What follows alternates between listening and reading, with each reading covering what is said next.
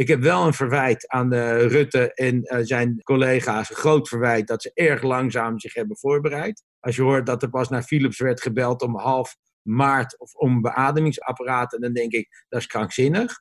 Maar alles daarna vind ik fantastisch. Je luistert naar Corona en de impact op ondernemers. Het wekelijkse interview van Financial Focus, waarin ondernemers vertellen over de impact van de corona-epidemie op hun business. Vandaag spreken we met Philip Forst, CEO van New York Pizza. Jaarlijks vliegen er 10 miljoen pizza's over de toonbank, wat heeft geleid tot 110 miljoen euro omzet in 2019.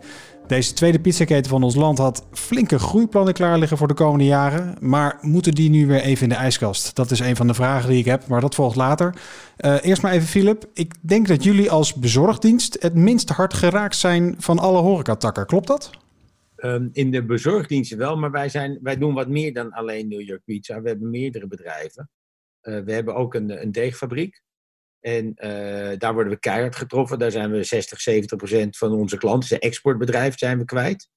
Uh, we hebben slice restaurants. De, het zijn een stuk of tien. Die zijn allemaal dicht. Uh, en we hebben een belang in een andere keten, die restaurants, die ook dicht zijn. en de deliveryhandel is, is heel goed.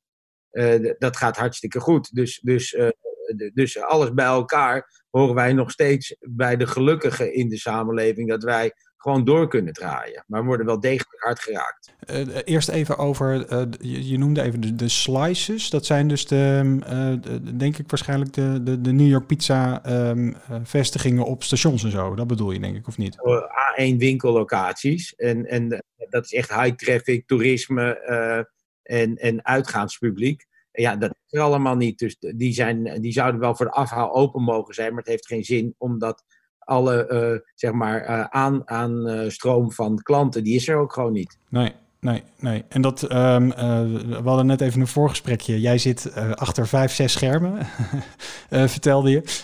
Um, kijk jij nu ook dagelijks naar, naar de cijfers, naar, naar, de, naar de omzet, hoeveel pizza's je verkoopt? Hou je dat nauwlettend in de gaten?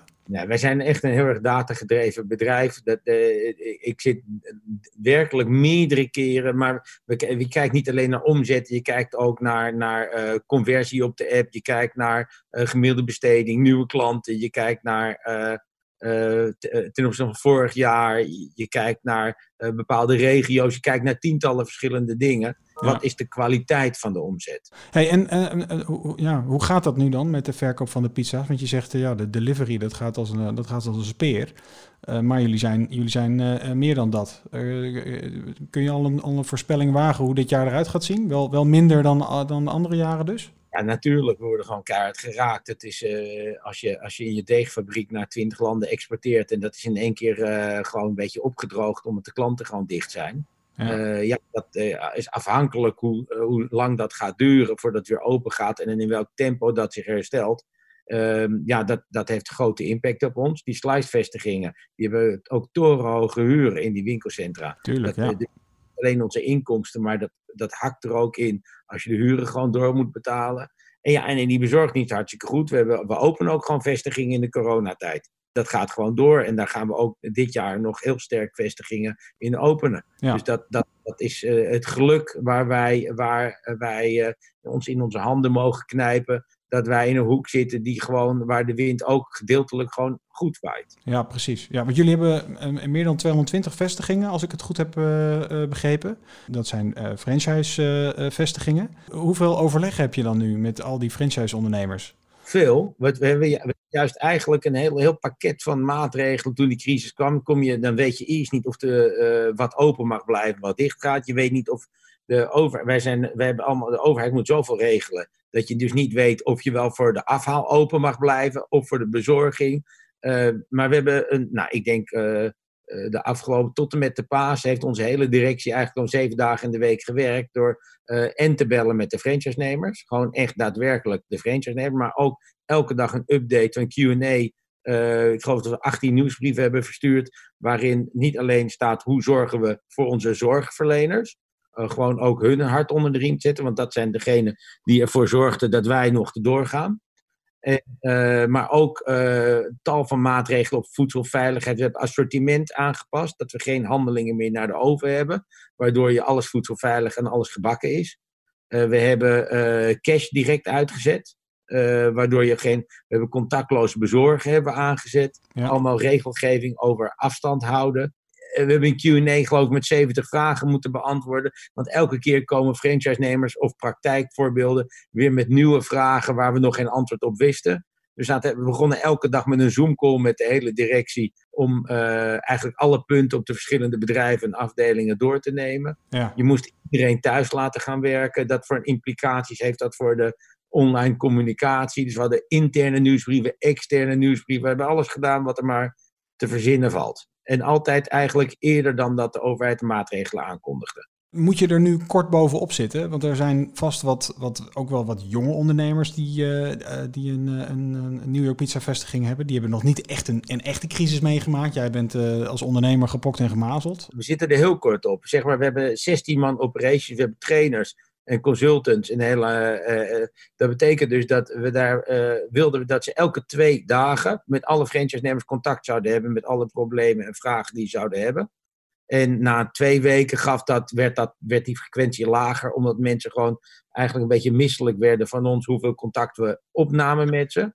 Dat we op zoek waren naar vragen in plaats van ze kregen. En daardoor heb je eigenlijk ook wel heel veel rust in de keten gekregen. Ja. En, en nu praat ik even uit eigen ervaring, maar ik heb laatst ook even een pizzaatje besteld uh, met ons gezin. Uh, erg lekker. Uh, maar tijdens het eten ontstond er toch een discussie tussen mezelf en mijn vrouw van hoe zouden ze het nog bereid hebben? stel dat de pizzabakker iets om de leden heeft. je, je noemde net al even de gezondheid stond hoog in het vaandel. welke extra maatregelen heb je daarvoor getroffen?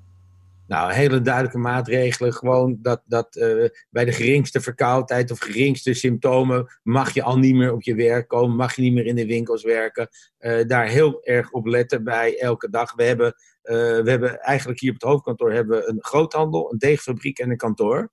Die hebben zeg maar een soort Chinese walls, maar dan fysiek geschapen. Dat, uh, die mogen niet meer door die entree. De fabriek mag alleen maar door de loading docks. De kantoren hebben een ander entree. Dus dat die ook gewoon helemaal niet meer met elkaar in contact kunnen komen. En in de winkels hebben we eigenlijk heel sterk uh, dat de medewerkers anderhalve meter zoveel mogelijk afstand moeten houden. Dat is erg moeilijk in, in een bewegelijke wereld. Uh, maar wat, wat het allerbelangrijkste is, is we hebben eigenlijk alle voedselveiligheidsmaatregelen genomen die er bestaan dat eigenlijk alle handelingen dat wij het product aanraken, vinden plaats voor de oven. Dus als, uh, als er al uh, zeg maar iemand theoretisch uh, met geen symptomen, maar wel corona zou hebben, aan het werk is en een pizza maakt, gaat hij daarna zes minuten op 245 graden. Ja, precies. En de oven raken we gewoon niets meer aan. Dan wordt de pizza in de doos geschept en dan gaat naar de klant. En dan doen we contactloos bezorgen. Er is geen cash meer. We leveren de pizza af en raken de klant niet aan. Uh, maar we zetten het voor de deur neer en nemen weer afstand. En dan, uh, dus op die manier is het eigenlijk voor de consument naar al onze kennis volledig veilig. Uh, zometeen gaan we het nog even hebben over jullie, jullie toekomstplannen en over jullie toekomstkansen. maar eerst. Ja, ik wil het heel even hebben over jou persoonlijk als, als ondernemer. Uh, vraagt deze periode andere skills van jou als ondernemer? Nou, ik, ik, ik loop niet weg van een crisis. Ik vind dat soms ook wel intellectueel heel interessant om te weten wat je moet doen en wanneer je wat moet doen om, uh, om daar sterker uit te komen. Ik, ik uh, sprak een vriend van mij die zegt: Never miss a good crisis. En die zit dus elke dag op grote afstand met kandidaatklanten, met Uber Eats, te lunchen op zijn kantoor. En die zegt eigenlijk is dit een hele mooie kans, omdat je nooit tijd hebt om mensen te spreken en te zien. En die, die doet dat dan uh, in zijn grote vergaderkamer op grote afstand. Ja. Uh, luncht die. En, en, en, eigenlijk zijn wij nu, uh, nadat de stress weg is, zijn wij nu eigenlijk hele grote plannen weer aan het maken om hier heel veel sterker uit te komen. Maar ik zit in de gelukkige situatie dat ik niet failliet ga. Waarom niet? Omdat ik 27 jaar lang uh, heel zuinig ben geweest en, en, en, uh, en uh, gewoon geen schulden heb. Nee. En niet afhankelijk ben van derden of voor de continuïteit van het bedrijf. En omdat de zorgdiensten nog open zijn. Ja, Interessant, daar gaan we zo even, even op door. Maar nog heel even over jou uh, persoonlijk. Heb jij ochtends nog net zoveel zin om naar je bedrijf te gaan als pakweg drie maanden geleden? Of, of want je noemt net het woord stress. De stress is even verdwenen. Uh, had, je toch wel een beetje zorgen uh, toen het allemaal over ons afkwam? Ja, zorgen, maar dan moet je ook je plek als CEO van de groep moet je innemen. Ja. En dan moet je juist jezelf laten zien. En juist elke avond laat nieuwsbrieven naar alle franchise collega's intern schrijven. Alle informatie bundelen. En dan moet je juist je plek even opeisen. En wat ik nu merk, dat wij echt een hele fantastische directie hebben. En we hebben ook echt een hele goede franchise partners. Dat het hele land het eigenlijk heel erg goed doet. En dat wij eigenlijk er heel sterk voor staan. Ja, dus nu voel ik me wat, uh, wat uh, relaxter en wat minder belangrijk. Ja, ja. Hoeveel, hoeveel ervaring heb jij met, uh, met, met, met crisis en, en hoe zwaar bestempel je deze? Nou, we hebben veel ervaring met crisis, maar de bezorging en economische crisis, die zijn geen vijanden van elkaar. Uh, wel de restaurants en de groothandel, dat wel. Maar wij zijn een vervanging van duur uit eten. En je weet voor een vast bedrag wat je uitgeeft. En je wilt toch nog wel wat gemak hebben. We, zullen, we, we moeten ons marketingbeleid een heleboel dingen erop aanpassen. Maar als we dat goed doen, en daar hebben we ervaring mee, dan kan je er heel sterk uitkomen. Dus uh, hoogconjunctuur, laagconjunctuur is allemaal. Uh, dan moet je je gedrag aanpassen, dan moet je wat meer discount of minder discount geven. En, uh, maar je moet uh, je marketingbeleid erop aanpassen. Je moet heel veel dingen doen. Maar uiteindelijk kan je gewoon in veranderende omstandigheden moet je ook veranderend gedrag vertonen. Ja. Zit, je, zit jij dagelijks het nieuws te volgen? Zit jij er bovenop? Uh, zit jij direct als je ochtends wakker wordt alle apps, nieuwsapps aan te zetten? Ik lees al mijn hele leven heel veel. Ik lees elke dag twee uur minimaal. En, en niet alleen het nieuws, maar van alles. Ik ben een veelvraat aan nieuwsgierigheid. Ja, ja, ja. Uh, ik houd het uh, goed in de gaten, maar, maar ik lees sowieso altijd veel. Uh, heb jij een moment toen, toen, toen al die ellende op ons afkwam ook persoonlijk zorgen gemaakt? Je zei net al van, nou, failliet ga ik niet, maar er zijn nog andere zorgen te bedenken. Privé, voor de familie en de, en de oudere generatie. En voor je medewerkers, continuïteit, voor je franchisepartners. ja, daar heb ik me wel zorgen over gemaakt. maar ja, zorgen maken kost heel veel energie. Ik zit meer in de hoek van oplossen en, en, en, en maatregelen nemen. Om te voorkomen dat het leed groter wordt. Maar wij kunnen dat doen. Ik spreek ook, ik sprak gisteren ook een vriend die, die zegt van ja, hoe lang gaat dit duren? Want ik hol achteruit. Want de overheidsmaatregelen zijn alleen maar loonkosten. Maar een heleboel bedrijven is loonkosten maar een klein onderdeel van het totaal. Ja. Confectie is nu een, een directe nachtmerrie. Daar kom je er niet met loonkosten. Daar heb je ook voorraden en seizoenen en ga zo maar door.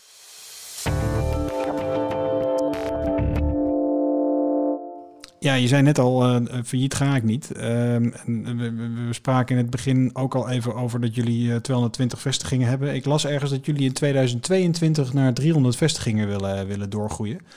Um, gaat dat nog lukken? Dat gaan we niet redden. Nee. Eh, maar een jaar later wel. Oké. Dat is, uh, dan, dan, dan ben je nog steeds ergens wel positief gestemd, kan ik me zo voorstellen. Ik heb net twee franchise-contracten getekend van twee winkels die in de komende acht weken open gaan. Uh, vanmorgen. Uh, dus dus ik ben heel positief voor onze delivery-tak van het bedrijf. En die gaat ook fantastisch. Ja, ja. Met ja. Een, een, winkel in Duitsland een contract getekend. dan gaan we een tweede winkel openen. Die gaat echt wonderbaarlijk goed, die eerste winkel. Uh, dus, dus ja, het is uh, ook gewoon een kwestie van, van uh, ook in slechte tijden of gewoon doorgaan met ondernemen. Ja, ja, ja. Is dat ook wat een echte ondernemer betaamt? Gewoon ook in, juist in slechte tijden de kansen zien? Ik heb dat altijd zo gezien. Ik handel niet in aandelen. Maar er was twee weken geleden, misschien wel vier weken geleden, toen dacht ik, oh, nu is het wel het moment om aandelen te kopen. Maar ik had niet eens een contract om het te kunnen kopen. Maar dat was ongeveer precies op het moment dat niemand aandelen wilde kopen, wordt het interessant om ze wel te kopen. Dus ik geloof heel erg sterk, uh, uh, en dat verzin ik niet zelf hoor, maar dat zo'n Warren Buffett. Die, uh, die zegt altijd, je moet bedrijven kopen die een goede lange termijn vooruitzichten hebben, die in een dip zitten met een slechte CEO. Oké, ja. Ja. En die, die komen nu bij bosjes op de markt, wou je zeggen. Nou, weet ik niet, maar, maar, maar uh, ik geloof wel altijd dat als mensen onrustig worden, dat dat het moment is om tegengesteld te handelen. Ja, ja. Nu las ik ook in een interview uh, met Sprout, was dat geloof ik, dat je uh, ondernemers adviseert om genoeg cash aan te houden. houd vast aan een gezonde cashflow, zo voorkom je dat je leeft naar de cashflow van je bedrijf. Dat was in januari van dit jaar, wat je toen al gelijk had. Ja, dit is, niet, dat is niet een wijsheid, dat is gewoon gezond verstand. Dat als je uh, steeds maar tegen je plafond aan leeft, ja. uh, zeg maar in de red race met de buren mee wil doen met auto's en spullen, dat, dat, dat, je kan toch niet winnen. Die race kan je niet winnen. Dus je kan maar beter gewoon een beetje vooruitdenken. Ja, ja, en wat, wat, is jouw verwachting van, van, van de horecasector? Uh, wordt dat echt een bloedbad zoals wordt voorspeld? Of, of kan het de anderhalve, samen, anderhalve meter samenleving wel aan, denk je? Ja, ik lees zoveel, zoveel tegenstrijdige onderzoeken ook. Eh, die podcast van Jort Kelder met Maurice de Hond vond ik buitengewoon interessant. Uh, waarin eigenlijk Maurice de Hond zegt van... hey, het heeft met ook luchtvochtigheid te maken en grote groep bij elkaar. En dan lees je weer van een Israëlische professor die zegt van... welke maatregelen ook uh, genomen worden... De, de, cyclus van de coronacrisis neemt in elke land dezelfde vormen aan, met pieken. Ik weet het eigenlijk niet. Ik heb die kennis niet. Um, is het Zweedse model nou fantastisch of is dat rampzalig? Uh, ik durf daar weinig over te zeggen. Ik weet wel dat uh, als het lang duurt, dat er verschrikkelijk uh, veel ehm, pijn komt in de horecasector. Ik was gisteravond even in een heel leuk restaurant Amsterdam eten halen wat, voor mijn gezin. En, en toen werd ik zo aardig door deze mensen. Bedankt voor de klanditie toen ik wegging en zo. Dat vond ik zo fantastisch. Dat ik dacht, daar word ik uh, heel, heel lang klant. En dan blijf ik ook komen. Dus het is ook kansen. Maar als het te lang duurt, gaat. En ook die vastgoedeigenaren spelen een belangrijke rol. Zijn zij uh, bereid om uh, de horeca te helpen? Ja. dus, dus overheid, vastgoed. Het is een combinatie van factoren. Maar ik denk iedereen zeg maar, die al tegen het plafond aanzat of al moeilijk zijn brood verdiende, die kunnen, er, die kunnen heel moeilijk overleven. Ja, ja, nou zijn er ook echt ontzettend veel horecazaken bijgekomen uh, de laatste jaren. Natuurlijk uh, um, meeliften op het uh, economisch tij, wat natuurlijk sky high ging. veel ook nieuwe concepten, maar allemaal berekend met, met, met een hoeveelheid tafeltjes en een hoeveelheid couverts die je nu waarschijnlijk niet meer kwijt kan. Dus ook al heb je deze moeilijke fase overleefd, dan nog moet je terug naar de tekentafel, denk ik. Ja, maar ik denk dat die anderhalve meter, uh, het is zo complex. Uh, Als je met je gezin, met vijf mensen uit één huishouden gaat eten, dan moet je daar ook als restaurant voorbereid zijn met anderhalve meter, dus die tafels, of met tweetjes of eentjes of viertjes. Het is zo complex dat het ondoenlijk is. Ja. Ik hoop maar op een goed snel vaccin. En, uh, en, en, want die anderhalve meter economie in de bioscoop, in de, in de voetbalstadiums, discotheken en restaurants, dat gaat hem niet worden. Nee, Nee. kijk jij toch stiekem ook naar je, naar je concurrenten? Uh, van wie, wie het zwaar heeft, waar liggen de mogelijkheden? Het is toch een beetje ook een, een survival of the fittest. Ja, maar wij, wij, wij hebben eigenlijk één serieuze concurrent. En uh, op marketinggebied en allerlei gebieden doen die ons na. En zijn we een stuk innovatiever dan dat zij zijn. Uh, daar kijk ik niet naar, maar ze zijn wel erg professioneel en goed ja, ik hou ze in de gaten, maar die innoveren een stuk minder dan wat wij doen. Ik kijk liever naar het buitenland, daar gebeurt. Want daar gebeuren alles bij elkaar meer innovaties dan in Nederland. Ja, nu spreken we elkaar. Uh, het is vandaag dinsdag uh, uh, 21 april. Vanavond gaat premier Rutte ons weer toespreken. Ehm, wat, wat vind je tot op heden van de intelligente lockdown? En, en ik, lees toch een aantal uh, ondernemers, ook op LinkedIn, die, die willen nu toch wel weer even van start. Dus die willen toch wel weer door. Die, uh, die, die zijn toch de, mening van Jort Kelder, die een, een week geleden wat hoon over zich heen kreeg, die, die volgen die mening een klein beetje. Hoe, hoe kijk jij daarnaar? Nou, ik hoop, ik hoop ook van de intelligente uh, uit de lockdown te komen. Want de, de ziekenhuizen doen het heel knap. Onvoorstelbaar, opgeschaald naar genoeg IC-bedden. Die zorgverleners doen, doen ongelooflijk knappe dingen en die lopen op hun tandvlees. Dankzij hun kunnen we goed functioneren. Hoe dom zou het zijn als je die lockdown te snel loslaat, waardoor je uh, alsnog weer terug moet naar een lockdown. Dus ik hoop dat er vanavond besloten wordt dat de scholen weer open gaan. En dat uh, de eerste stap wordt gezet. En dan is even een week kijken of twee weken kijken wat dat het effect is. En dan stapsgewijs gewoon loslaten. Gewoon op een intelligente wijze. Ik heb wel een verwijt aan uh, Rutte en uh, zijn collega's. Een groot verwijt dat ze erg langzaam zich hebben voorbereid. Als je hoort dat er pas naar Philips werd gebeld om half maart of om beademingsapparaten, dan denk ik dat is krankzinnig. Maar alles daarna vind ik fantastisch. Ja, diep respect ervoor uh, wat dat betreft. Ja, behalve dan een mijn oude republikeinse mening is dat ik toch wel een grote afwezige zie en dat is onze koning.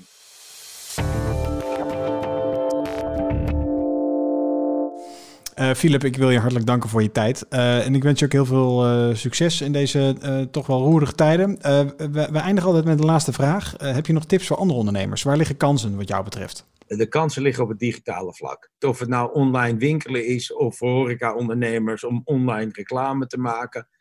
daar, als je daar echt in excelleert, dan kan je ook als horecabedrijf het gewoon heel goed doen. Goede, goede apps bedenken wellicht. Ja, ook gebruik maken van de bestaande platformen. Uber Eats, Deliveroo, ja. Uh, Dat is al grootschalig uh, gedaan uh, toen, toen iedereen in de intelligente lockdown moest. maar dat heeft ook een heleboel bedrijven heel veel gebracht. Dat is in ieder geval een goed initiatief geweest. dit was corona en de impact op ondernemers. Volgende week spreken we een andere ondernemer over de gevolgen van de corona-epidemie op zijn of haar business. Bedankt voor het luisteren.